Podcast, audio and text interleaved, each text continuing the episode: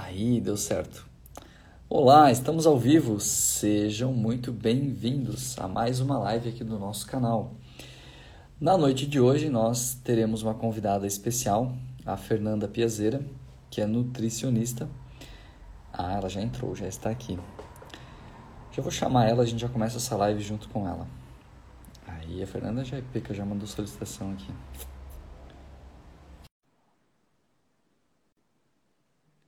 Está conectando, vamos só aguardar a Fernanda entrar. Vamos lá. Olá! Olá, deixa eu me ajustar aqui. Tudo que bem? eu sempre fico errada nas lives, tá, Daniel? Pronto. assim. Não, e eu fui iniciar a live e não sabia como iniciava a live. O Instagram mudou? Mudou? É, ele mudou essa semana, né? Mudou, mudou sim. Então tá, vamos começar a nossa live. Seja muito bem-vinda. Muito obrigada pelo convite, tá, Daniel? Eu agradeço sempre a parceria. Fernanda, eu comentei que a gente ia fazer a live juntos aqui, mas falei que você é nutricionista, mas eu vou deixar você se apresentar. Mais aí para as pessoas que são meu público, né, que vão te assistir depois, vão saber quem você é e tal. Vi que a doutora Mara entrou, seja muito bem-vinda. A Sil Lopes, todos que estão entrando aí, sejam muito bem-vindos, tá? A Alessandra também entrou, a Elenise. Tá normal a tua conexão ali, Fernanda? Tá funcionando direitinho? Aqui deu uma travadinha, mas agora tá indo. Tá indo aí pra ti? Agora acho que tá indo também, sim. Tá, Então se não tá, coisa me apresenta. avisa que daí eu, a minha internet tá oscilando um pouco, mas aí eu coloco no 4G. Tá? Ah, então tá. Quer se apresentar, Fernanda? Ah, né? essa Pra live quem não me conhece, algumas pessoas ali já estão assistindo pode entrando saber, né, o que, que, que a gente que tratou aqui minhas hoje. conhecidas. É, sou nutricionista, tenho formação em que tá nutrição travando clínica bastante. Que é funcional, conexão? em Será que é fitoterapia e também, Amara, e também em nutrição esportiva funcional. Então, são três especializações e agora eu Fernanda, estou tá finalizando a especialização em nutrição e fertilidade.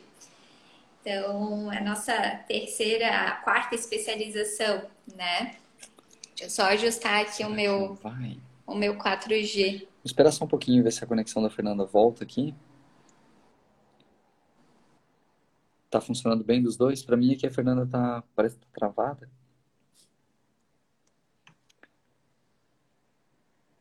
Conexão ok.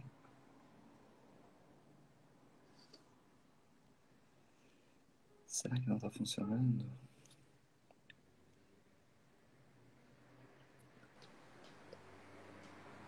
É a minha conexão ou é a dela? Que não tá indo. Eu não sei se vocês estão me ouvindo, mas eu não tô vendo o Daniel. É que a minha A dela tá conexão com ele falhou.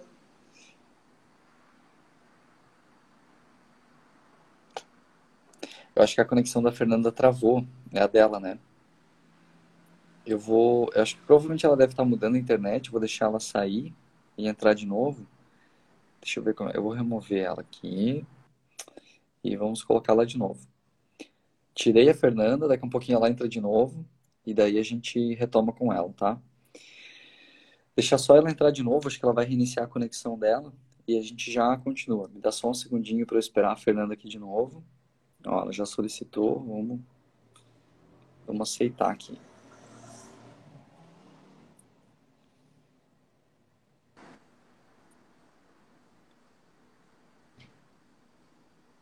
Vamos lá.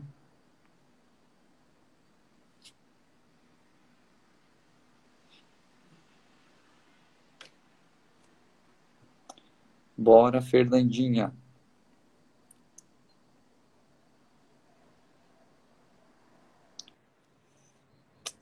Enquanto a Fernanda não vai entrando, vou falar um pouquinho de como nós escolhemos esse tema para a live de hoje. É, o ato de escolher aquilo que nos alimenta é um movimento de amor. Pode ser um movimento de amor. E a gente vai falar disso com mais propriedade quando a Fernanda entrar. Prefiro desenvolver o assunto junto com ela, porque ela domina bem essa área. E nós teremos um resultado melhor com a sua presença. Fernanda Piazeira não está conseguindo entrar. Deixa eu ver de novo aqui.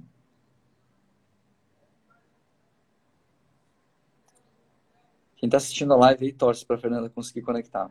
Que ela tem muita coisa especial para trazer para nós hoje aqui.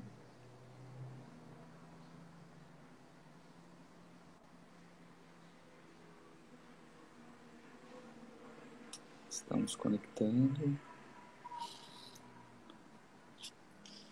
Eu não consigo ver o Daniel.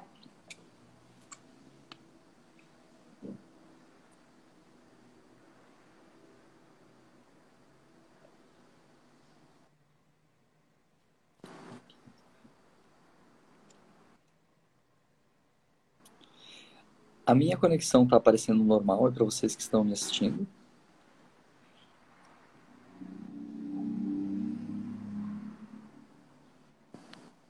Está aparecendo normal.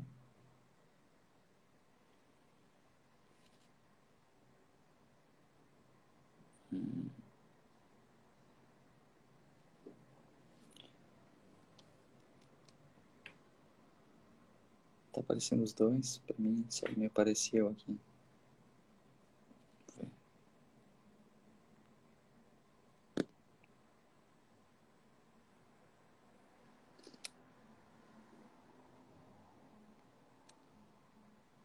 Travada minha também. Agora foi? Eu acho que foi. Aleluia! Deu certo? Agora eu acho que deu. Espero que não trave mais. Vamos deixar o pessoal respondendo nos comentários. Como que está tá. a imagem? Vocês estão vendo que estão vendo a Fernanda, estão me vendo, estão vendo nós dois? Está travado? Como é que tá? Vocês que estão nos assistindo, deixem um comentário aí para a gente saber.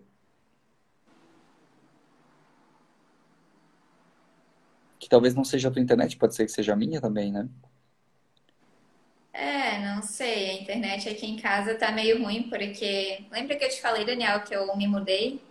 Lembro Amanhã sim. eles vão instalar, então eu ainda tô com uma outra internet provisória. Uhum. Mas até então ela tava funcionando bem. Bom, vamos lá. Acho que agora tá bom, né? Pessoal que está assistindo a gente aí, como é que tá a imagem? Vocês estão vendo bem a Fernanda? Estão me vendo bem?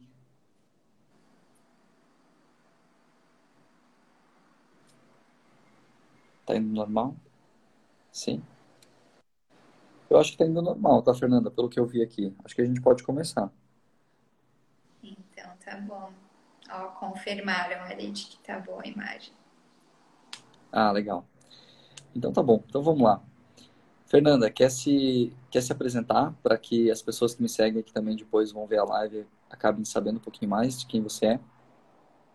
Então, eu sou nutricionista, tenho especialização em nutrição clínica funcional, em fitoterapia integrativa, em nutrição esportiva funcional também, e agora estou finalizando uma especialização em nutrição de saúde da mulher e do homem e fertilidade que tem toda a relação com a parte hormonal feminina e masculina também, mas bem focado para a fertilidade e saúde da mulher, né? Então, e a área que eu atuo é bem a área clínica, né, Daniel? Já conhece um pouco do, de todo o meu, o meu roteiro aí de, de atendimentos, né? Uhum. Na parte de medicina integrativa também, né? Sim. Sim, sempre gostei muito da abordagem que tu tens, do trabalho que tu realiza, então até por isso que eu fiquei bem empolgado de chamar você para falar. Sempre que a gente traz o assunto de alimentação, a primeira imagem que vem à nossa cabeça é o que nós comemos, né? O que nós comemos e aquilo que nós bebemos. Mas esse conceito ele pode ser ampliado para tudo que nós consumimos, né? E eu sei que tu és uma pessoa que tem esse nível de consciência, tu também busca se aperfeiçoar nesse sentido, né? É, não somente no sentido nutricional de alimentos e de nesse sentido, mas nutricional no sentido energético, emocional, espiritual. E por isso que eu te convidei, porque eu acredito que nós dois juntos a gente consegue desenvolver bem esse assunto, trazendo, claro, a parte da alimentação, trazendo, claro, a parte do que a gente ingere de líquidos, de comidas, mas também do que a gente se conecta em outros sentidos, né? Do que a gente traz que acaba alimentando a nossa vida, o nosso ser humano, ao longo dos nossos dias, aquilo que a gente escuta, aquilo que a gente lê, de fato, tudo que a gente alimenta o nosso ser, com o que a gente alimenta o nosso ser. É, até porque, né, Daniel, quando se fala de nutrição, nutricionista, as pessoas já pensam logo, ah, carboidrato, proteína, gordura, alimentação é isso. Só que uhum. no teu trabalho tu também sabe que tem muita coisa além disso né? Então a gente precisa levar em consideração de que o alimento ele tem uma energia, ele tem uma vibração e toda essa energia, essa vibração vai equilibrar a nossa energia também e toda a nossa parte energética, toda a nossa parte de chakras, que são os pontos de energia do nosso corpo, né? Então a gente precisa olhar muito mais para esse lado até do que só para a parte de composição da alimentação, né? Só essa parte de macronutrientes, se a gente negligenciar esse outro lado, a nutrição ela não vai ser completa, né? E as pessoas estão buscando muito mais, abrindo muito mais esse olhar para o autoconhecimento, amor próprio. E é aí que entra o nosso tema, né? Então, uhum. E tu tens é muitas tipo... ferramentas também, né, Daniel, para trabalhar Sim. isso, né? Como é que é o título da nossa live mesmo?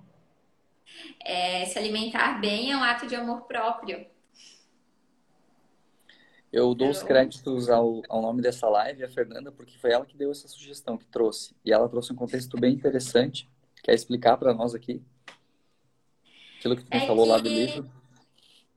A Nelise entrou, a minha dupla dinâmica. E Nelise também trabalha bastante com essa parte de nutrição energética e vibracional.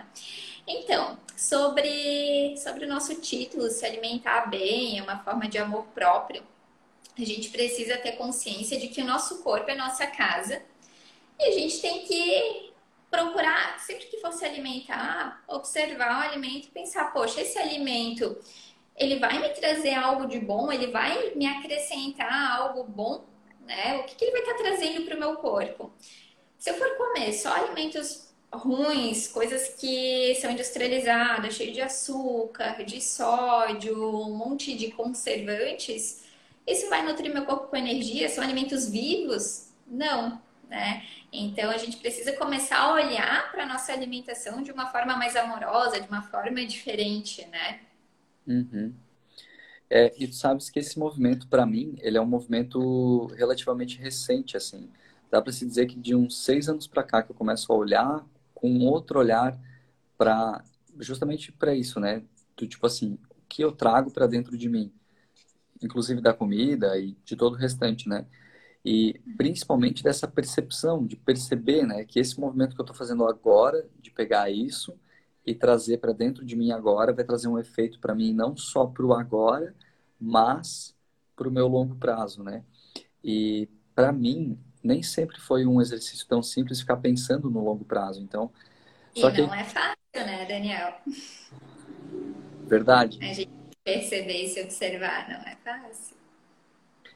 E aí, algumas coisas foram aparecendo na minha vida e algumas coisas eu fui escolhendo.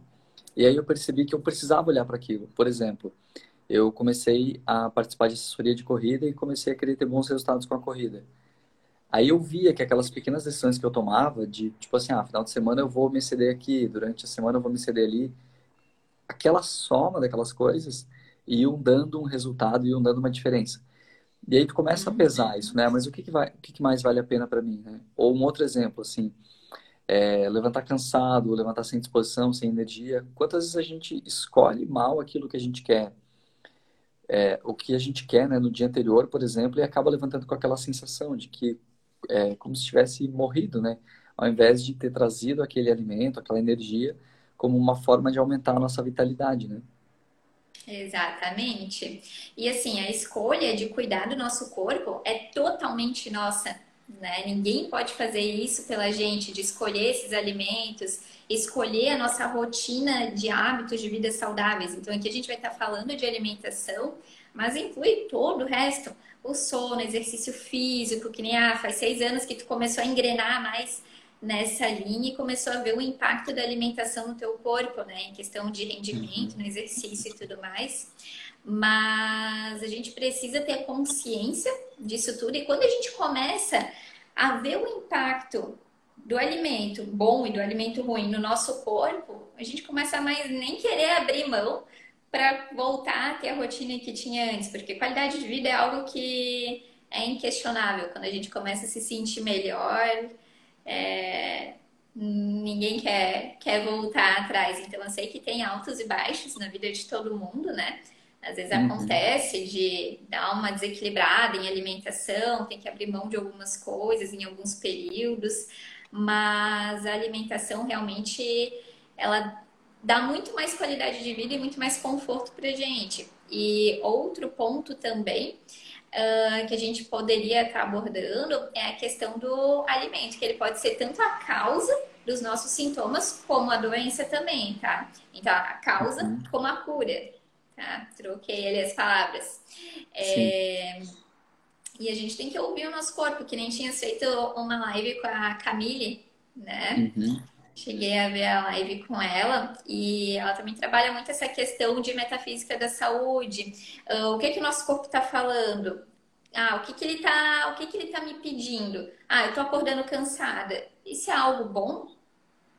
Não é algo bom. Poxa, eu dormi à noite para me recuperar e acordar bem disposta, né? E o quanto que a minha alimentação pode estar impactando nessa qualidade do sono.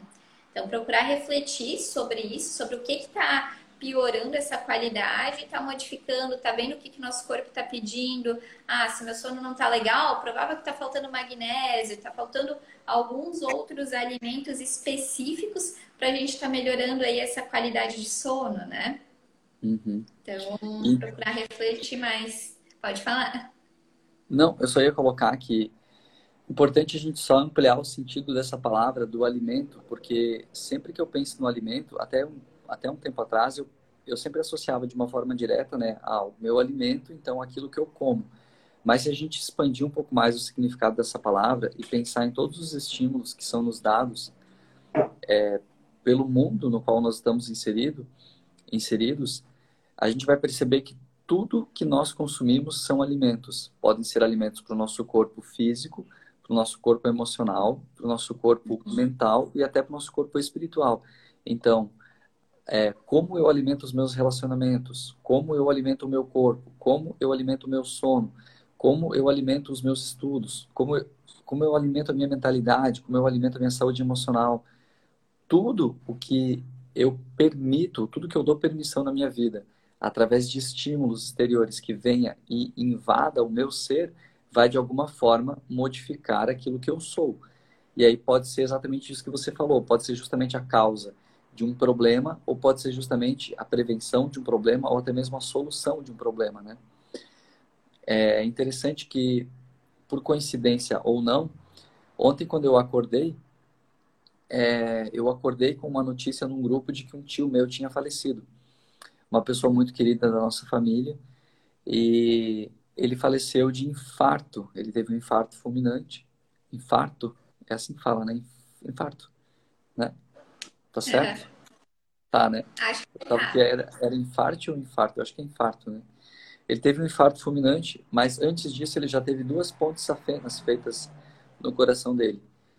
Se lá naquele, naquele primeiro sinal que o corpo dele deu para ele, talvez de uma forma até bem drástica, né? Fez o coração dele parar, naquele primeiro movimento que ele teve que fazer uma cirurgia de uma ponte safena, ele tivesse olhado para aqueles sintomas, tivesse percebido e ouvido o seu próprio corpo, talvez ele teria compreendido de uma forma simples que o que ele precisava era talvez de exercícios físicos mais do que ele fazia, talvez de uma melhor qualidade de sono, talvez de menos estresse na vida dele, talvez de uma mudança alimentar.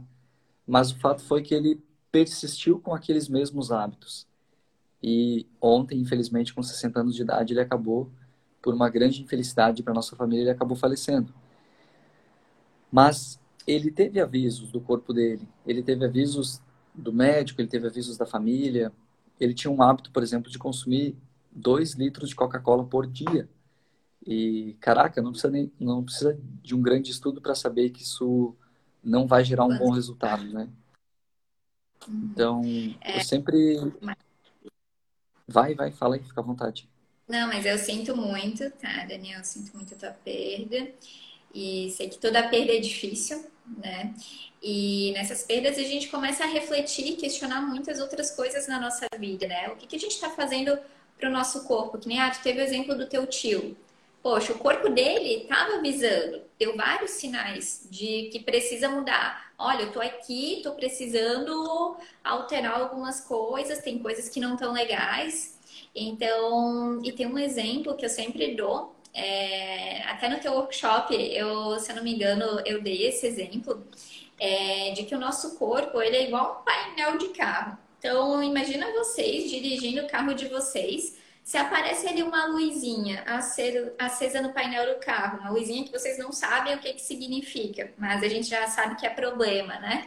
É, uhum. Vocês vão continuar dirigindo? Não, vão no mecânico pedir para achar o problema para resolver. E também não iriam no mecânico pedir só para apagar a luzinha e continuar dirigindo que tá tudo certo, porque vocês sabem que tem algum problema ali. No nosso corpo, o que, que as pessoas geralmente fazem? Ah, tô com dor de cabeça, tomo um remédio para dor de cabeça e continua a vida né? Mas não posso, é bem assim. Se você me permite, eu vou complementar a tua metáfora, porque eu uso ela, inclusive, quando eu falo de inteligência emocional. Porque tomar um remédio, muitas vezes, é o equivalente a ir lá e desligar o cabo que acende aquela luz no painel. Não é tratar Exatamente. a causa. Né? É como se não o corpo estivesse pedindo. Imagina que a luz que estivesse acendendo ali fosse do combustível, por exemplo, né? Ao invés de colocar combustível ali dentro, a pessoa vai lá e desliga o cabo que está dizendo que está sem combustível. Não está resolvendo efetivamente o problema, né? E aí só vai acumulando, vai acumulando até chegar onde a gente sabe que chega, né? E as pessoas estão cada vez mais perdendo saúde, porém tem muita gente também que está despertando para esse autoconhecimento e está começando a procurar muito mais, né? Tem muita gente uhum. com muito mais consciência e as pessoas estão vendo o quanto que isso impacta positivamente na vida, né, Daniel? Então... Sim, com certeza. E aí também tem as tuas ferramentas, né? Que eu gosto bastante da tua forma de trabalho também, de bom, tu pode falar muito, muito melhor aí sobre as tuas ferramentas de trabalho, mas que são formas de a gente buscar mais esse autoconhecimento, buscar entender o que nosso corpo está falando e o porquê até de algumas atitudes, né? O porquê que a gente, ah, eu sei que eu tô com dor de cabeça, ou eu sei que eu tô com algum problema, que nem ah, algum problema do coração.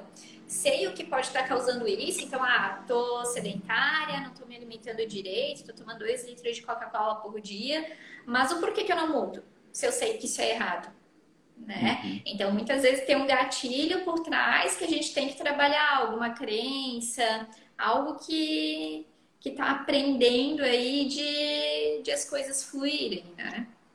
Sim. Eu gosto muito de olhar para cada ser humano como uma composição de dessa forma que eu sempre trago, né?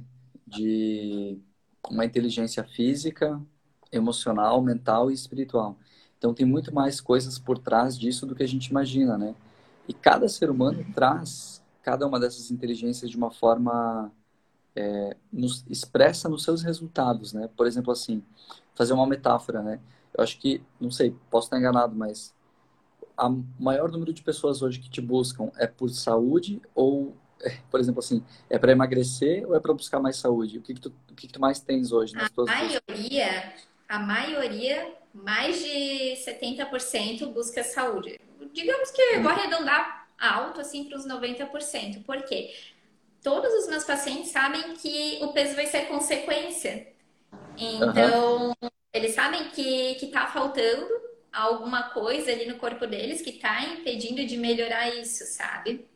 Uhum. Então, a Ana perguntou se travou. Aqui não travou nada para mim, tá? Acho que voltou agora, né? Não sei onde é que, se alguém não ouviu alguma coisa. Mas em questão dos meus pacientes, é isso, tá, Daniel? Todo mundo, uhum. a maioria, tem consciência de que esse peso, essa perda de peso vai ser consequência da qualidade de vida, de reequilibrar todo o corpo, todo o organismo. E eu fico muito feliz com isso, tá? Que legal, até me surpreendeu, tá? Eu esperava uma resposta contrária disso que eu te perguntei achava é. que a maioria das pessoas que te buscam seria para emagrecer, porque para mim a maioria das pessoas não me assim, vou até colocar, tem algumas que buscam, tá? Até me veio à mente aqui agora algumas por último aqui que vieram em busca de autoconhecimento. Mas para mim é o inverso, tá? 90% das pessoas que me procuram são pessoas que estão dentro de dores emocionais e elas buscam soluções. E eu queria fazer a associação de que muitas vezes, não é o teu caso, né? Mas muitas vezes as pessoas buscam a solução quando aquele problema já está dominando elas, né? Então, por exemplo, assim, ah, eu quero, eu quero emagrecer. Ah, mas eu quero emagrecer para dezembro. Só que o processo de emagrecimento, muitas vezes, ele não é baseado só... É, até fiz uma formação recente agora de análise corporal baseada em traços de caráter, que eu me surpreendi com coisas que eu conheci lá. Não sei se tu sabes, mas, por exemplo, assim, ó, é, sabe aquelas pessoas que fazem tudo direitinho na dieta, fazem tudo direitinho no exercício e ainda assim não conseguem emagrecer, por exemplo, ou não conseguem chegar nos resultados que elas, que elas querem? Eu fui descobrir através dessa, dessa formação que tem mais coisas por trás, né? Por exemplo, assim, uma dor emocional carregada dentro do próprio corpo faz com que aquela pessoa não consiga emagrecer. Faz com que aquela pessoa, por exemplo, é, de fato não consiga emagrecer. E é interessante porque algumas clientes que eu atendi, elas me procuravam, por exemplo, assim, porque estavam com depressão, estavam, sabe, por questões emocionais. E aí, depois de aplicar técnicas de PNL, por exemplo, de programação neurolinguística ou de hipnose, elas começaram a emagrecer. O objetivo delas não era emagrecer, mas aí depois elas acabaram emagrecendo. Claro que elas buscaram acompanhamento nutricional, foram fazer exercício físico, não foi só fazer hipnose, né? Mas isso que é o interessante do autoconhecimento, porque a gente começa a perceber que está tudo interligado. Então, se eu quero ter um bom sono, tu pode falar melhor sobre isso, né? Eu tenho que me alimentar bem. Se eu me alimento bem, eu durmo melhor. Se eu durmo melhor, eu tenho mais, mais disposição no dia seguinte para trabalhar, para estudar, para me relacionar. O nível de estresse diminui, a qualidade de vida daquilo que eu estou sentindo melhora, as minhas emoções melhoram. Então, tudo está muito interligado, né? Exatamente. E vira uma bola de neve também quando as coisas não andam da forma que, que deveriam andar, né, Daniel? Sim. Mas a Ana entrou ali, minha paciente, acabou de falar.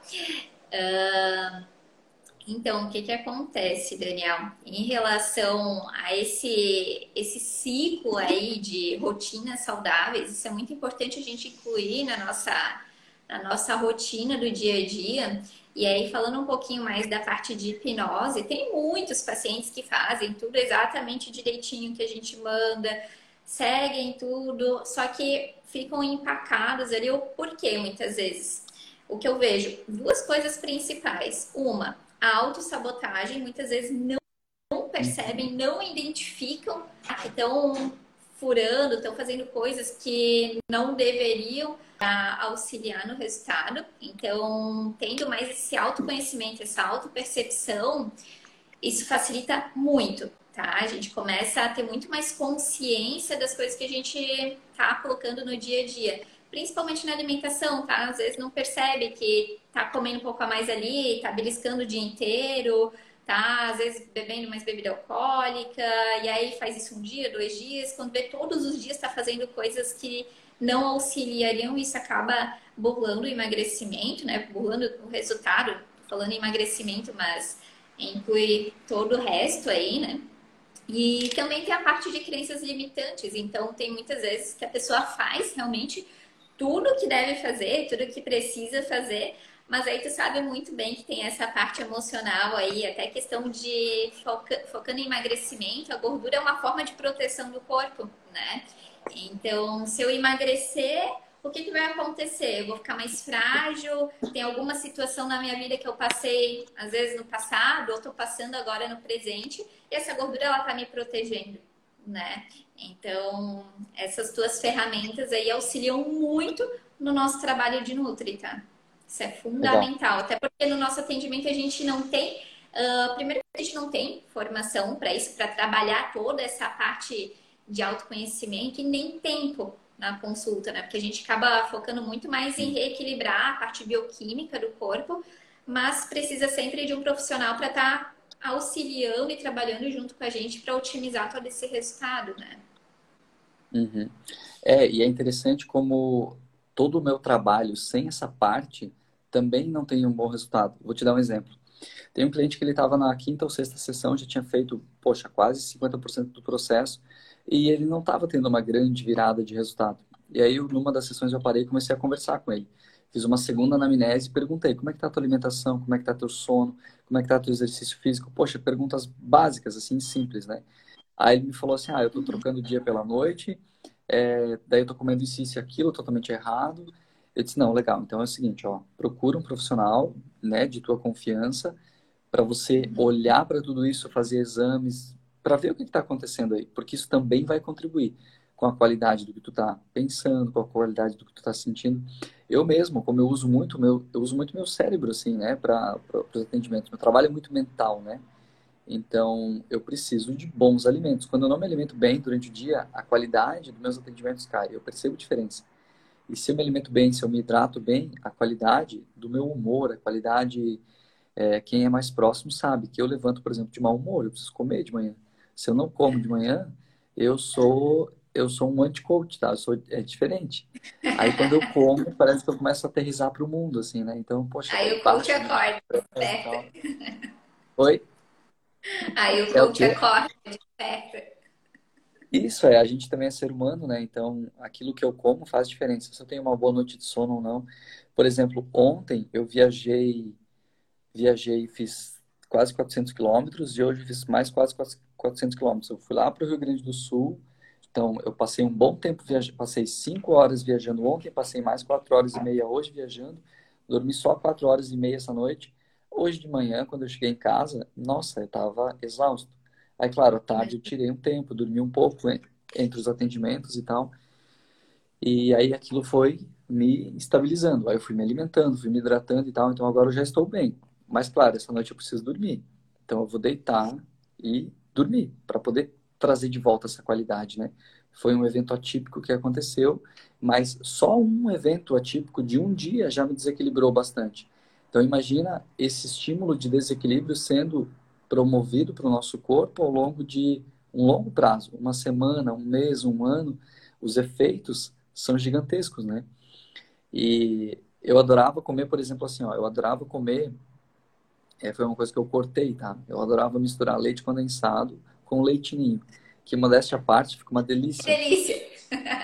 e eu comia aquilo todos os dias, tá? Sabe o que é comer aquilo todos os dias? Um potinho, dois? Meu Deus do céu, as nutris quase infartam todo dia, Daniel. todo dia. Só que assim, ó, eu, eu treino três a quatro vezes de funcional, três a quatro vezes de corrida. Então, eu, eu tenho esse gasto calórico, né? Mas no momento que eu tirei isso, eu, eu coloquei para mim como um desafio. Eu disse, não, cara, tá errado, eu vou tirar, é muito açúcar, é muito processado, é muito leite condensado, tá errado, isso eu vou tirar. Aí eu reduzi, eu coloco aquilo como, ó, chego salivar, eu adoro isso. Eu coloco aquilo como uma recompensa para de vez em quando, né? Para quando acontece algo importante, sei lá. Melhorou muito o meu resultado em todos os sentidos, inclusive não só nos exercícios físicos, né? Mas em todos os outros aspectos. Parece só um detalhe simples, tá? Mas fez uma grande diferença. Mas, assim, consumir todos os dias realmente não é legal, né, Daniel? Porque, assim, eu também amo leite condensado. Quem, quem me conhece, né, de perto na vida, na vida pessoal sabe que, que é a coisa que eu mais gosto de comer.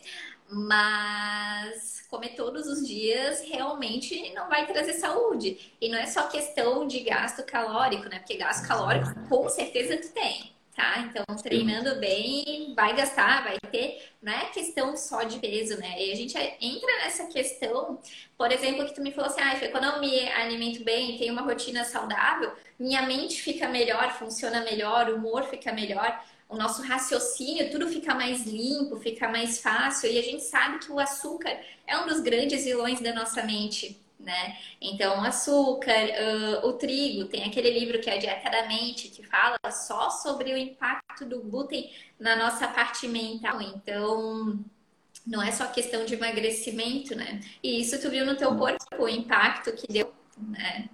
Então, realmente é questão de, de nutrir o corpo com nutrientes, com vibrações positivas, energias boas. Lembrando mais uma vez que alimento é energia e aí, o que, que o leite condensado, por exemplo, vai te trazer de vibrações positivas de energia? É um alimento vivo, Daniel. Não é um alimento vivo. É um alimento morto, né? Processado. É um alimento, é um alimento morto. Então, não que nunca possa comer, né? Pode comer, mas aí trabalhar que a gente está trabalhando dessa forma, em momentos pontuais, aí usando em formas ah, de recompensa, em... mas bem pontual, não todos os dias. Todos os dias é, é complicado. É tudo tão simples, né, Fernanda? Porque se a gente para para observar, é tudo uma questão de escolha do que nós queremos para a nossa vida, né? Se eu quero é. coisas boas, eu preciso escolher coisas boas, né?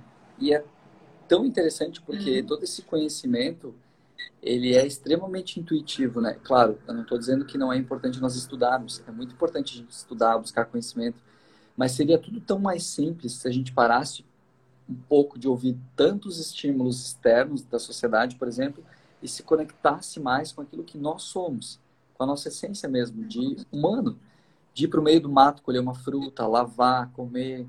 É... Poxa, é tudo tão simples assim, né?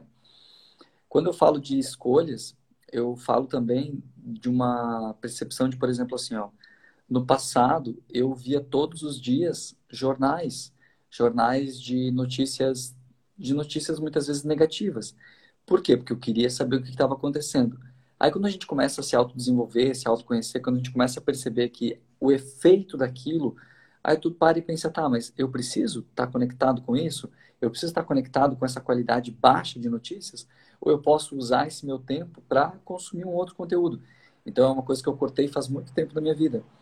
E hoje, ah, eu quero me informar, então pontualmente eu quero saber sobre um assunto. Ah, eu quis saber o resultado das eleições. Fui lá, me informei sobre o resultado das eleições. Ah, eu quis saber sobre uma notícia específica aí da, da pandemia. Fui lá, me informei. Ah, tô acompanhando algumas coisas que são importantes. As notícias ruins, elas chegam. As notícias importantes, que são importantes para a gente saber, né? Então, concordo plenamente contigo, né?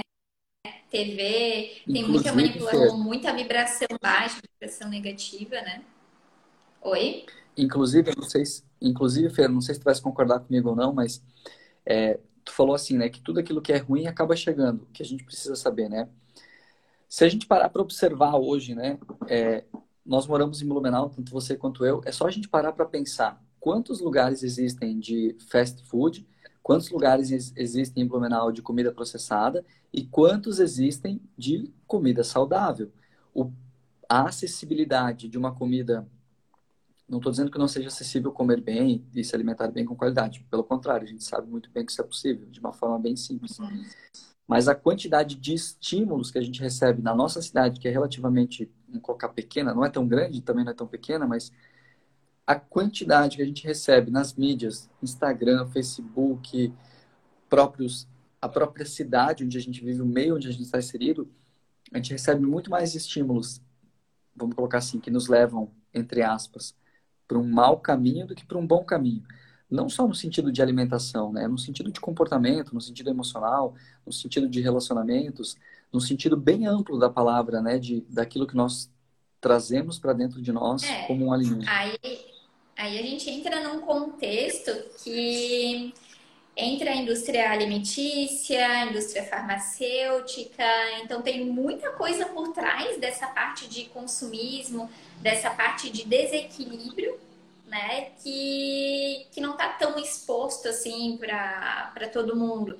Então, não é todo mundo que tem essa consciência também, né? Então, uhum. tem muita gente, Daniel, que, ah, Vejo a propaganda de Coca-Cola, de fast food. Isso é legal consumir porque é gostoso, é o que está todo mundo consumindo, também quero consumir. Mas é saudável? Não é saudável. Então, conforme a gente vai fechando os nossos horizontes para algumas coisas e abrindo para outras, e aí entra de novo esse caminho do autoconhecimento, a gente começa a filtrar muito mais tudo isso. Porque assim, vai ter, vai ter festa de aniversário, vai ter jantar, vai ter isso, vai ter aquilo, sempre vai ter. Essa parte de que está ao nosso redor de coisas que não contribuem para nossa saúde, sempre tem. E sempre vai ter, sempre existiu e sempre vai existir. Está existindo cada vez mais, está cada vez mais fácil, né? De a gente ter acesso a tudo isso. Só que vai da gente escolher coisas saudáveis ou não, saber filtrar tudo isso. E realmente não é algo fácil, principalmente nessa parte emocional. Né? Então, a gente saber filtrar essa poluição mental que acaba tendo em mídias sociais, enfim, porque isso é o todo o tempo. Até tem aquele documentário que tá, o pessoal tá comentando bastante no Netflix. Eu não lembro o nome, não sei se tu chegou a ver, que é falando sobre as redes sociais, sobre essa manipulação. Que ah, tu vê alguma coisa, tu só fala alguma coisa, por exemplo, ah, tô falando agora de refrigerante. Depois eu abri o meu, meu Insta ali, já vai aparecer uma propaganda de refrigerante, sabe? Então, uhum. o mundo quer que a gente seja doente, mas a gente buscando qualidade de vida, né? Sim. E esse que é o nosso grande desafio, porque apesar que nós, apesar de nós termos muito mais estímulos negativos, é aí que entra a nossa consciência e esse movimento da gente fazer cada pequena escolha de forma consciente e saber que aquela escolha que a gente está fazendo é nossa, não é de uma influência externa, de algo que a gente está vivendo ou de um meio que nós estamos inseridos, mas é algo que eu sei que eu vou escolher aquilo para produzir um bom resultado na minha vida. Não que a gente não vai errar, não que a gente não vai acabar caindo, né? Eu, eu costumo dizer, eu trabalho com hipnose, eu sei que tem muito, usa-se muito hipnose para venda, por exemplo, de forma inconsciente. Usa-se uhum. arquétipos. Vou dar um exemplo bem simples aqui. Para vender cerveja, usa-se mulheres sensuais, quando não muitas vezes até quase que peladas. Quais são os maiores consumidores de cerveja hoje? Homens. Por quê? As mulheres também gostam, né? Mas a forma como é comunicado isso é de uma forma que vai, vai criar associações no cérebro da pessoa para que ela entenda de uma forma inconsciente que aquilo vai gerar um prazer para ela. Só que muitas vezes, e até vai, né? Vai gerar um prazer momentâneo. Mas a que custo? Há um custo, né? O que, que tem por trás de tudo isso? Então, é importante cada vez mais a gente elevar a nossa curva de consciência, né? Elevar a nossa qualidade e o quão consciente nós estamos em relação às pequenas escolhas. E sabe que engraçado que para engraçado não, interessante, né? Para eu não comer todos os dias, por exemplo, leite condensado com, com leite ninho, eu comecei a comprar menos. E aí depois eu deixei de comprar. Então agora o que, que eu faço? Quando eu quero, eu vou lá e compro. Não tem toda hora à disposição, porque era muito fácil. Abrir o armário. Oi? Tu dificultou o processo, porque daí agora tu tem que sair de casa para comprar, né, Daniel? Claro, porque estava ali no armário, era só abrir e fazer. Então eu fui, eu fui negociando com o meu próprio cérebro, né? Fui, é, eu fui enganando o meu próprio cérebro, né? Eu só de falar já tenho vontade, ó, é, é louco isso, né? Outra coisa inconsciente que eu adoro, Coca-Cola. E eu venho reduzindo cada vez mais, né, o uso de Coca-Cola e tal, porque a gente sabe o, o que ela significa. Mas se eu parar na frente de uma geladeira e, ah, fui comprar um Gatorade, fui comprar uma água, e eu vejo a Coca ali do lado, eu salivo. Então, naquele momento, eu preciso ser sábio e dizer: não, o que eu realmente quero e preciso é a água e não a Coca-Cola. Mas é um exercício desafiador, muitas vezes, né? É desafiador, ninguém disse que seria fácil, né, Daniel? Mas é a questão de a gente ter aquele momento presente, isso em tudo na vida, não só na alimentação, né? Mas na alimentação uhum. e assim como todo o resto, uh, estar presente, viver o agora e estar consciente do que vai estar fazendo nesse momento agora. Tipo, isso faz sentido para ti? Muitas vezes a gente vai no automático, que é na alimentação. Ah, minha alimentação para mim é normal, acordar de manhã, eu vou comer um pão, um pão branco com, sei lá, com geleia, de tarde é normal comer uma bolachinha. O porquê que isso é normal? Se tem culturas que acordam de manhã e comem, sei lá, mandioca? Por que, que tem gente que de tarde, no horário da tarde, come uma refeição igual ao almoço e aqui no Brasil não é assim, né? Então a gente vai muito no automático e também ligando muito a ansiedade. Então a gente vive muito no futuro e não vive no agora. Então aquele futuro, aquela aceleração também impede a gente de estar consciente no momento de agora e fazer escolhas saudáveis. Então é importante desacelerar, focar no presente, perguntar para o teu corpo, eu realmente preciso disso? O que, que meu corpo está pedindo agora? Ah, eu estou com alguma com algum problema, alguma coisa que está me fazendo preencher um vazio que tem aqui, como é que eu vou preencher esse vazio? Muitas vezes as pessoas acabam partindo para carboidrato, para doces, né? Então, essa parte de vazio, de querer complementar alguma coisa na vida, o doce ele preenche muito bem. Então, não sei se tu te identifica com isso, mas tem muitos pacientes que me falam Então, o doce que adoça a vida, que muitas vezes a vida não, não está tão doce assim, né? Mas procurar não usar a alimentação como sendo essa recompensa aí do, do nosso dia a dia e procurar trabalhar o que, que não está legal na parte emocional, na parte externa, o que está influenciando nessas escolhas alimentares em todo estilo de vida, né? Uhum. Isso é bem e... importante. Sim. E a gente conta várias mentiras muitas vezes até inconscientes para nós mesmos, em forma de pensamentos ou até em forma de emoções, para justificar o ganho secundário que a gente tem. Em não ser aquilo que nós poderíamos ser caso a gente realmente vivesse de uma forma mais dedicada, comprometida com a gente mesmo. E uhum. eu costumo dizer que a gente chama a gente chama as crenças muitas vezes de falsas verdades, né? Porque aquilo é uma verdade inquestionável para a pessoa. Mas o quão, quão, questionável, o quão inquestionável mesmo isso é. Por exemplo, assim, é, eu sou apaixonado por Coca-Cola. Mas, cara, sou apaixonado por Coca-Cola. Olha essa frase, né? O que, que ela realmente significa? Será que eu realmente sou apaixonado por tudo que ela me traz? Ou será que eu deveria sentir, talvez até, vou usar uma expressão forte aqui, raiva da Coca-Cola, caramba? Porque ela não adoça a minha vida, né? É uma, é uma falsidade isso. Ela vai me trazer muito mais é, amarguras posteriores do que a doçura que ela me causa naquele momento, né? Mas aí é que entra essa sacada de estar. Tá, é isso que tu falou agora há pouco, né? De estar tá presente, de estar tá consciente. E, meu, isso é um desafio, tenho certeza que para todas as pessoas. Assim como deve ser até para você, né, Fer? Para mim, eu sei que é. Então. Para mim é também. É... é um desafio constante, tá, Daniel? Todo dia a gente tem que se trabalhar. Quando faz a faculdade de Nutri, não perde a vontade de comer doce? E de comer coisas que Disseram não são saudáveis? Que sim, por isso que eu fui fazer. ah, é? E não mudou? Não mudou, não mudou. Mas muita gente acha que, que não. Ah, meu Deus, você é nutricionista, tu não pode comer isso. Tem horas que, que enche o saco. Tá em algum lugar, né? Nessa parte de vida social eu já mudei muito a minha alimentação, já, já fui de comer realmente muita besteira, principalmente doce. Eu amo doce desde criança, assim. Mas hoje em dia eu vejo que depende do momento que eu tô, na parte, no momento energético que eu tô vivendo na minha vida, eu sinto muito mais que meu corpo pede algumas coisas e barra outras, tá, Daniel? Isso principalmente com a carne. Então, tem momentos que eu fico muito mais numa alimentação mais vegetariana do que numa alimentação com carne, sabe? Mas isso depende também muito. E isso foi importante, eu vi, foi nesse ano, tá? Que eu comecei a ver. Eu já fui vegetariana durante um bom tempo da minha vida, mas faz tempo que eu voltei a comer carne, né?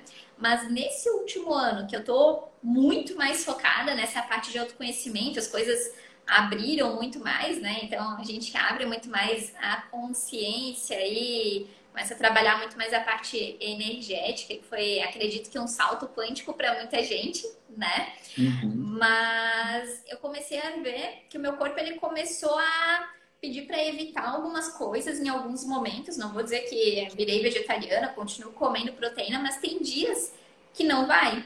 E é a mesma coisa com doce tá? Então, ah, gosto muito de doces, mas tem momentos ali que semanas que eu passo e meu corpo não, não, não quero isso e, e não vai. E isso é muito importante de a gente começar a observar o que, que meu corpo realmente está pedindo e colocar na balança também. Vale a pena eu ir lá e comer isso e depois me sentir mal? Então tem os dois pontos, a questão de sintomas, de ah, eu senti um impacto disso no meu corpo, porque conforme a gente vai melhorando e equilibrando mais a parte energética, eu ao menos vejo isso em mim, fico muito mais sensível. Qualquer coisa que eu como, eu já sinto que isso impacta bastante no meu corpo, já me causa um desequilíbrio muito grande. E outra é ouvir o que o meu corpo está pedindo. Ele está pedindo ah, para minha alimentação ser mais leve, para evitar, por exemplo, a proteína de origem animal, vou respeitar o meu corpo e, consequentemente, tudo começa a fluir muito melhor. Então, não sei se tu vê isso também na tua rotina, no teu, no teu, nas tuas escolhas alimentares também, Daniel. Claro, vejo sim. é, não só na alimentação, né? Mas o exemplo que eu dei agora há pouco, né? Eu dormi menos essa noite, eu já senti diferença no meu, no meu desempenho hoje. Uhum. No, no humor eu não senti, mas é comum eu sentir. Mas eu senti hoje muito essa questão do cansaço mesmo. Acredito até que se eu não tivesse dormido um pouco à tarde, eu estaria bem mais exausto que agora. Mas é, é exatamente isso que você falou. Isso eu percebo porque ao longo do tempo que a gente vai querendo melhorar, a gente percebe que o que faz diferença são os detalhes. O que antes parece uma transformação gigantesca, ao longo do tempo a gente vai percebendo o que faz. Vou dar um exemplo assim, ó. É, se eu tomo uma xícara de café na medida certa, eu corro melhor.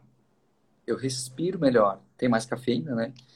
Então, uhum. se eu não tomo uma xícara de café, por exemplo, e está lá no meu protocolo alimentar, tem tais e tais coisas, tais e tais coisas, e tem lá uma xícara de café.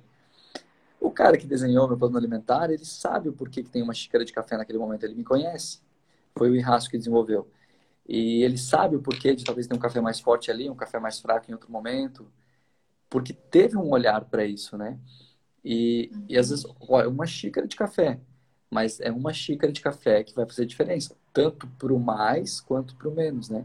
Eu sei que se eu tomar ou seja, se eu tomar mais café, porque eu adoro tomar café, se eu tomar a mais, eu também sinto os efeitos. Vou ficar mais ansioso, vou ficar mais acelerado, vou ficar menos presente para o momento presente. As minhas escolhas vão ser piores, as chances são que pode ser que eu vá comer mais doces. Porque, sabe, então eu percebo que ao longo do tempo, que faz uma grande diferença, às vezes são pequenos detalhes. E conforme a gente vai simplificando as nossas, os nossos mecanismos para decidir, como isso que eu falei, né, de, ah, eu vou evitar de comer o leite condensado com o leite ninho, então eu nem compro mais. Compro só quando eu realmente vá comer e compro uma quantidade menor. Porque isso evita de eu ter que ficar decidindo todos os dias, né? Que está ali no armário de, de casa. Eu não decido uma única vez no mercado, né? Eu decido todos os dias que eu tenho que dizer sim ou não para aquele negócio, mais uma vez. Então, quando eu afasto aquilo, já fica mais fácil. Eu tenho um hábito ruim até que eu preciso melhorar. Por exemplo, assim, meu trabalho é muito conectado com o celular. Então, se eu quiser ficar o dia inteiro respondendo mensagem no celular, eu fico o dia inteiro ouvindo áudio e respondendo as pessoas, os meus clientes e tudo mais. Só que tem uma hora que eu preciso desligar. Meu, isso é um desafio para mim. Mas eu, eu tenho claro e nítido a noite que eu deixo o celular em modo avião, boto ele do lado e eu me desconecto dele, eu durmo. O meu sono ele é infinitas vezes melhor, de mais qualidade. Às vezes eu durmo até menos horas e tenho um resultado muito melhor. Então a gente fica complicando as coisas, né? Muitas vezes e é tudo muito simples, né? Não estou dizendo que é fácil, é. mas muitas vezes é muito mais simples, né?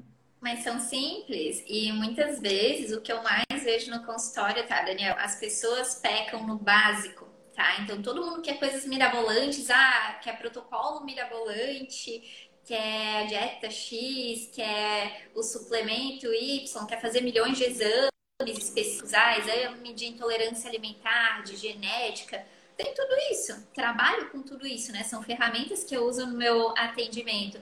Mas muitas vezes, ah, vai fazer esse monte de coisas e esquece do básico. Quer ter um sono de qualidade? Então, ah, colocar o celular em modo avião é básico, né? Que a gente pode estar fazendo todos os dias. Uh, caprichar na quantidade de água que vai estar consumindo todos os dias também, então muitas vezes acaba consumindo muito menos água do que deveria.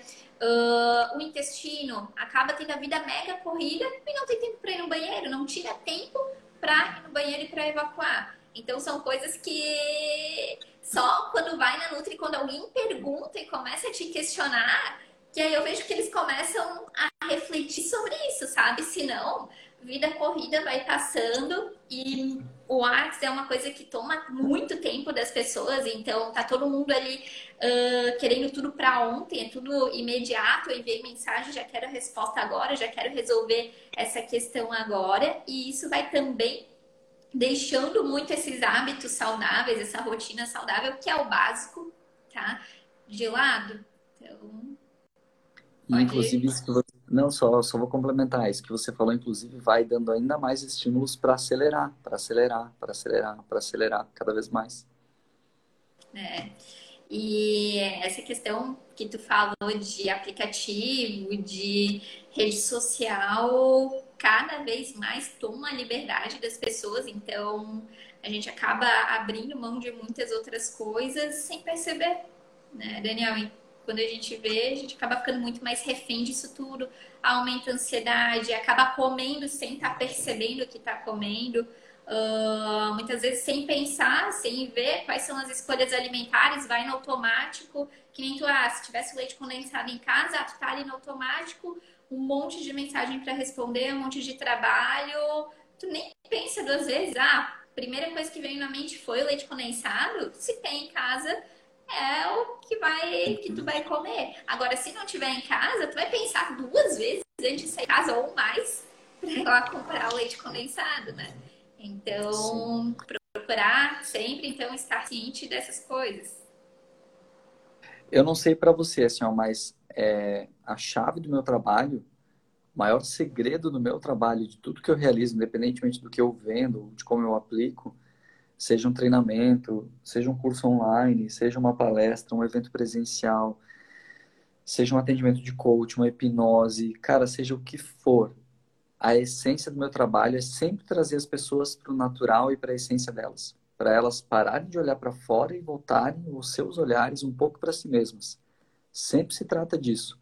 E eu não sei se é o teu público, mas é, quando, a, tudo que tu estavas falando até agora casa direitinho com o meu público, tá? A maioria das pessoas que me seguem aqui são mulheres, são mulheres é, que têm um perfil de ir atrás, de conquistar aquilo que elas querem, são mulheres muito guerreiras, mulheres de uma de uma agenda ocupada, de uma vida, é, de uma rotina atribulada, de pouco tempo para muita coisa. A maioria das minhas clientes, inclusive, e não só das pessoas que me seguem aqui, são assim. Claro, tem homens que me seguem aqui, tem outras, outros perfis, mas o maior perfil que eu identifico aqui são pessoas com essas características. E o que eu percebo é que sempre o movimento que precisa, que precisa ser feito é fazer com que essas pessoas falo até dessas mulheres agora, nesse caso específico, é fazer com que elas olhem para si de uma forma mais natural, sem se cobrarem tanto, sem elas quererem dominar o céu e a terra do, do momento que elas acordam até o momento que elas vão dormir, e de uma forma que muitas vezes elas abdicam de coisas que são extremamente importantes, simplesmente para dar conta do recado, entre aspas, muitas vezes, de dominar tudo, de dar conta de fazer tudo, de é, sabe? E muitas vezes a vida não se trata disso, se trata de viver de uma forma mais leve, mais conectada, viver com qualidade aquilo que está se vivendo, comer com qualidade aquilo que está se comendo, escolher as coisas com qualidade, o que eu estou ouvindo, o que eu estou vendo, o que eu estou sentindo, o que eu estou percebendo, o que eu estou trazendo para o meu campo energético, o que eu estou trazendo para a minha realidade, muitas vezes, de uma forma mais simples, mais natural. A essência do meu trabalho é essa, tá? Fazer com que essas pessoas volte a enxergar as suas condições naturais. E isso já traz um alívio gigantesco para elas. É, mas, mas isso eu até me identifiquei, tá, Daniel? E deixa eu ver, tá me ouvindo? Tô te ouvindo, sim. Agora deu uma travadinha.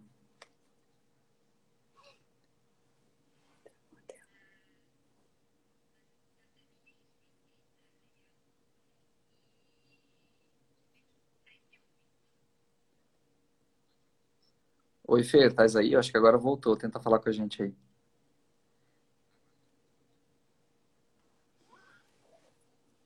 Fer, estás aí com a gente? Experimenta falar, vamos ver se a gente ouve. Oi, eu tô aí, eu tô aqui, tô te vendo.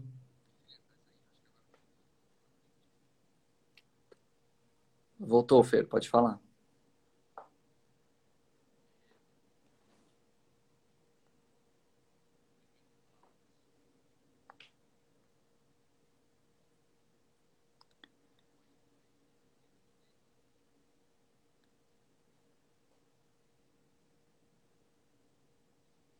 Hashtag volta Fer.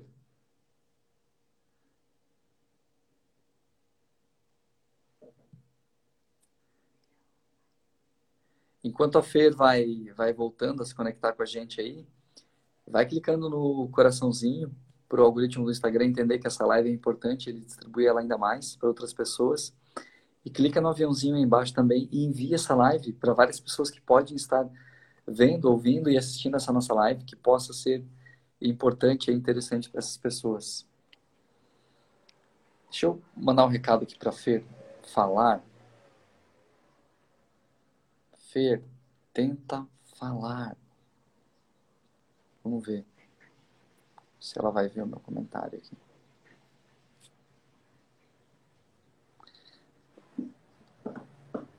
Cadê você, menina? Volta para nossa live.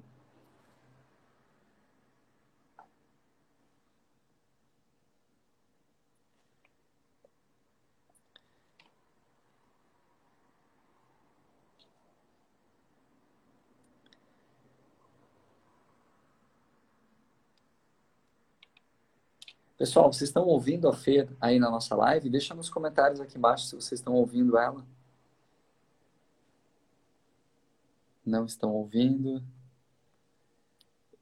que, que você aprontou aí, dona Fernanda Piazeira? Que nós não estamos te ouvindo.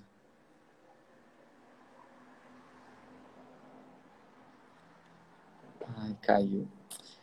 A Fernanda caiu. Eu vou dar uns segundinhos aqui para ela conectar de novo, para a gente, a gente continuar aqui a nossa live. Ó, já me mandou solicitação, já vou aceitar ela. Vamos lá. Desce o dedo no coraçãozinho aí, quem está nos assistindo. A feira já está voltando. E a gente vai, vai dar sequência aí à nossa live.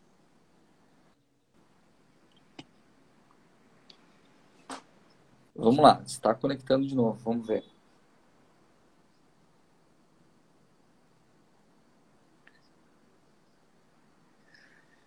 Estamos tentando conectar com a Fernanda.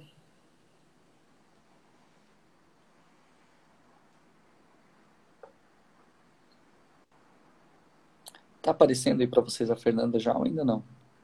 Já está aparecendo? Deixa eu ver aqui uma coisa. Ai, que delícia. Bora, Fernanda, cadê você? Ao vivo é assim mesmo, né, galera? Ao vivo é assim, ao vivo e a cores. Eu tava tão legal nessa live, a Fernanda é tão top. Ela tá aparecendo, né? Vamos aceitá-la novamente. Ela caiu, vai entrar de novo, acabou de mandar a solicitação. Obrigado por terem ficado aí na live, vocês são fiéis, estão aí com a gente ainda, mesmo tendo caído. A gente já vai voltar. Bora, Fernanda.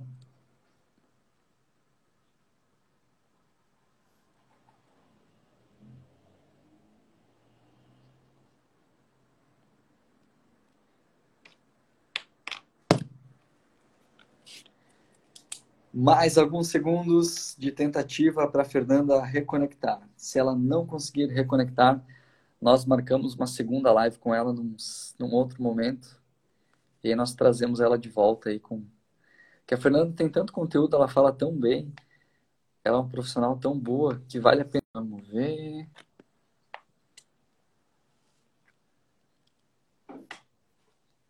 Bora, Fernanda, manda a solicitação aí. Vou mandar para você, tá? Mandei, vê se tu consegue aceitar.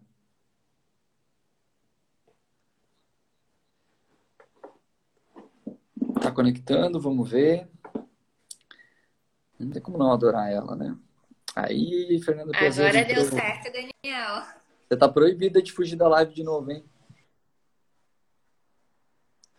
Ai, que saco, né? Que ficou caindo hoje, né? Sim. Que pena.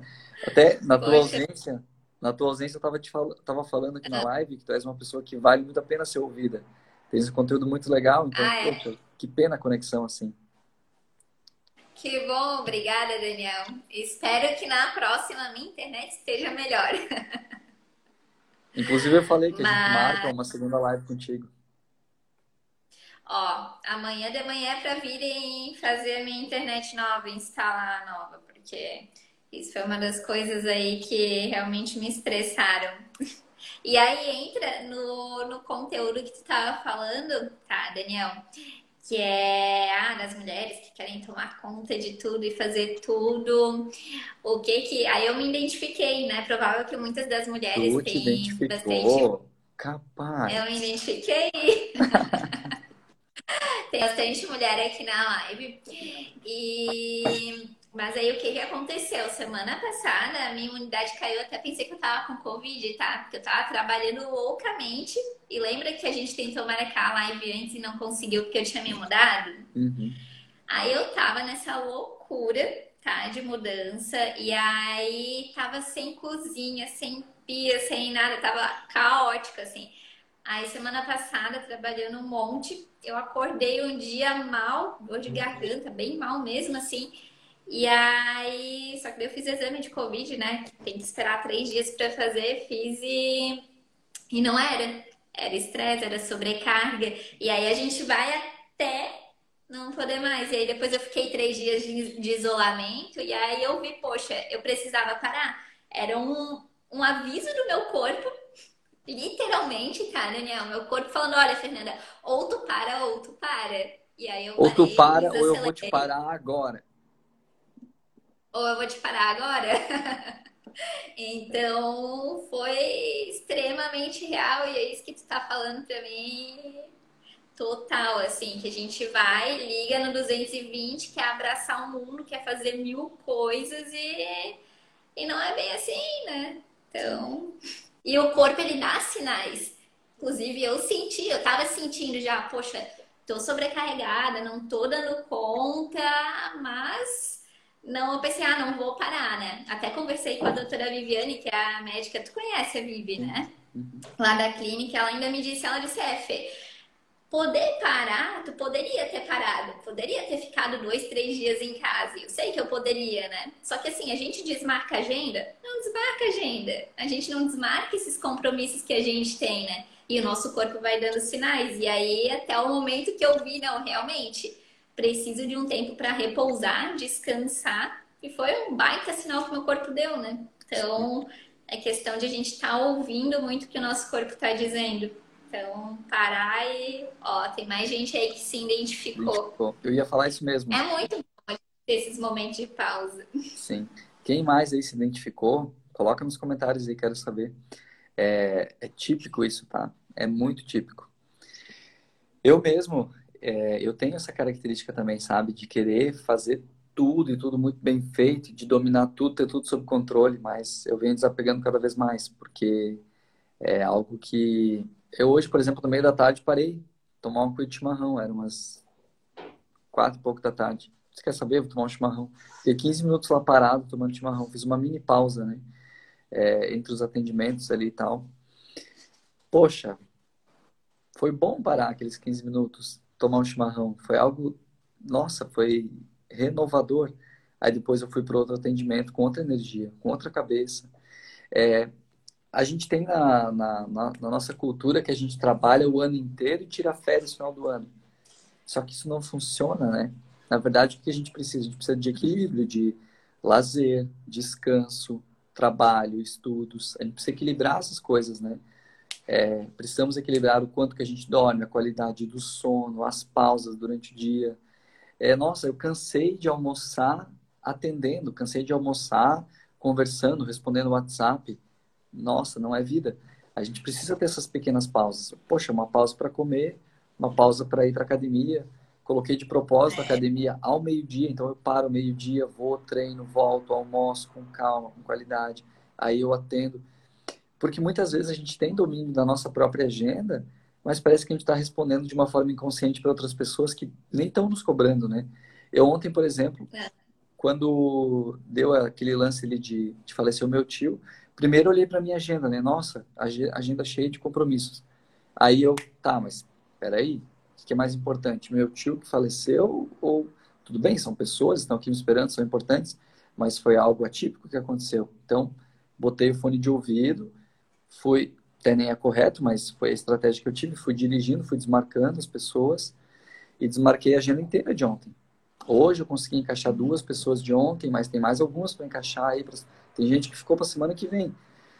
Antigamente eu ficaria maluco internamente com isso, mas hoje eu consigo administrar isso um pouco melhor, assim. Então eu vou desapegando, vou soltando. É, é power isso, né? É, É, eu vivi isso semana passada, tá, Daniel? Que eu pensei, meu Deus do céu, vou ficar três dias, desmarcar três dias de agenda, que já tava complicada. Eu pensei, ferrou, né? Próxima semana tô, vou trabalhar muito mais. Só que daí o que, que aconteceu? Três dias de pausa, relaxei, foquei mais em mim, foquei mais em meditação, cuidar, organizar a minha alimentação. E assim, eu consegui organizar muito melhor a minha agenda dessa semana. Inclusive, agora eu tô bem mais tranquila do que o que eu tava semana passada, tá? Que realmente tava sobrecarregada e a gente não quer dizer não às vezes, né? Para muitas coisas, muitos compromissos. E a gente vai abrindo mão de muita coisa e muitas vezes abrindo mão da gente, do nosso tempo. Então é aquele negócio de, ah, quanto tempo do dia tu te dedica ao teu autocuidado, né?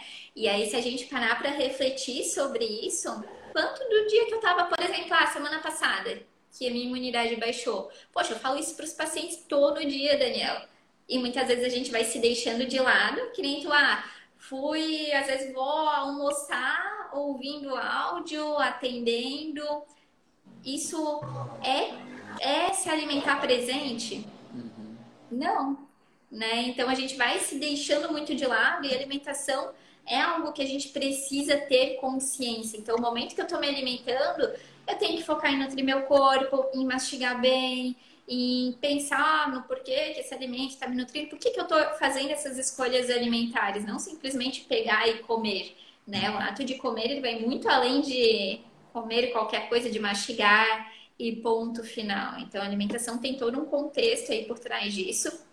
E o nosso corpo ele dá sinais do que a gente está precisando no momento, né? Então, e procurar olhar também de uma forma boa para tudo isso, para todas essas situações, né, Daniel? Não olhar que nem a que me disse, ai, meu, se fosse há tempos atrás, eu ia ter pirado. Eu também, semana passada, se fosse há tempos atrás, ia ter pirado. Meu Deus, três dias de desmarcação de agenda.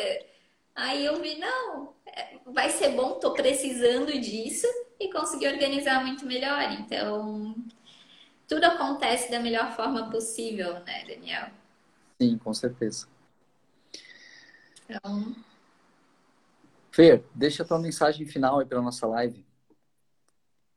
Bom, então minha mensagem final é o nosso tema, né? Então, se alimentar bem é um ato de amor próprio, é um ato de autoconhecimento. Então, digo para vocês focarem muito nesse autoconhecimento, que é o caminho tá? O caminho desse autoconhecimento para a gente ter saúde, reequilibrar nosso corpo. Quem está buscando emagrecimento, que a maioria, né, quer emagrecimento como foco principal ou como consequência do tratamento de alguma coisa. O autoconhecimento é, é o que há, gente. É muito importante. Até separei um livro aqui para mostrar para vocês. Tem dois, na verdade, tá? Dois livros. Esse daqui é o Tudo Posso, mas nem tudo me convém. É um livro bem legal, tá? É um livro que eu tenho da época de faculdade. É um livro bem fácil para entender, então quem é leigo no assunto, quem está uh, começando a mudar estilo de vida e tal, é, é bem, bem legal, tá? Acrescenta bastante. E esse outro aqui, Amar e Ser Livre, que talvez esse tu já conheça, Daniel. Esse sim. Eu... Esse livro aqui é, esse daqui ele fala muito do amor próprio, do autoconhecimento. Então, os dois livros eles se encaixam bastante, tá? Então, seriam as minhas duas recomendações aí para vocês, para estarem incluindo alguns hábitos de vida, estarem trabalhando aí essa parte de amor próprio e autoconhecimento para fazerem escolhas melhores no dia a dia, né? Sim. Ô, Fernanda, então, e quem quiser te procurar, como é que faz? Como é que chega até você? Por um atendimento? Então, podem me procurar no direct. Tem o meu, no meu link da bio ali tem o meu, tem o meu WhatsApp também, tá? Então podem falar comigo direto pelo WhatsApp ou no direct que eu tô respondendo. Tá? Então tá. Fer, quero te agradecer mais uma vez pela tua pronta, pelo teu pronto atendimento ao meu pedido, né? De mais uma vez estar presente, estar fazendo uma live, estar trazendo conteúdo. É realmente uma pena, uma lástima, nós não termos tido uma conexão boa de internet. E acredito que isso é uma excelente justificativa para a gente agendar uma próxima live, na qual a gente possa falar ainda mais com uma boa conexão para que tu possa se expressar e trazer tudo que tu tem de bom aí dentro de você. Tu desempenhas um trabalho que eu admiro e gosto muito. Inclusive, é o que me fez, o que me chamou a atenção para começar a admirar você foi ver atletas que você atende tendo desempenhos notáveis. E aí aquilo, poxa, mas é, não sei se eu posso falar, mas o Kennedy, por exemplo, tu vê ele correndo, ele, a namorada Ele dele, estava aí na live. estava na live, pô, parabéns para ele. Ele tem um desempenho muito bom, ele é um cara extremamente comprometido, ele faz o que tem que ser feito, né? E, poxa, alguma coisa tem por trás do resultado desse, desse menino, desse rapaz, né? Não vem? E aí a gente começa a descobrir, começa a saber. E aí que eu comecei a conhecer um pouco mais você, me conectar contigo. E aí a tua presença também me trouxe outras conexões muito especiais, né? A doutora Amara, todas as pessoas ali da Clínica Humanari são profissionais excelentes, fazem tudo com muita qualidade, né? Então, nossa, só tenho a te agradecer pela presença hoje aqui. Te deixo já o convite para a gente marcar uma nova data para uma nova live. E fico à tua disposição, né, para qualquer coisa que você possa necessitar aí também. Fiquei surpreso de você ter se identificado com aquilo que eu falei. Eu até imaginava, mas eu fiquei surpreso quando você falou e isso me deixa feliz, tá bom? Tá bom, eu te agradeço, tá, Daniel, pelo convite. Sempre estarei aqui à disposição e também admiro muito o teu trabalho, tá? Então, tá bom, te agradeço muito. Estamos juntos. Show de bola. Se você me permite, eu vou deixar essa live gravada. É, vou disponibilizar ela aqui no canal do IGTV. Vou colocar no YouTube e também eu extraio o áudio dessa live, gera um podcast que está lá no Spotify. Então as pessoas podem depois ouvir o conteúdo, tudo que você falou, que eu falei.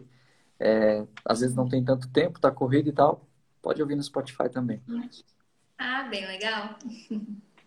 Então, combinamos a próxima, Daniel. Certo, combinado.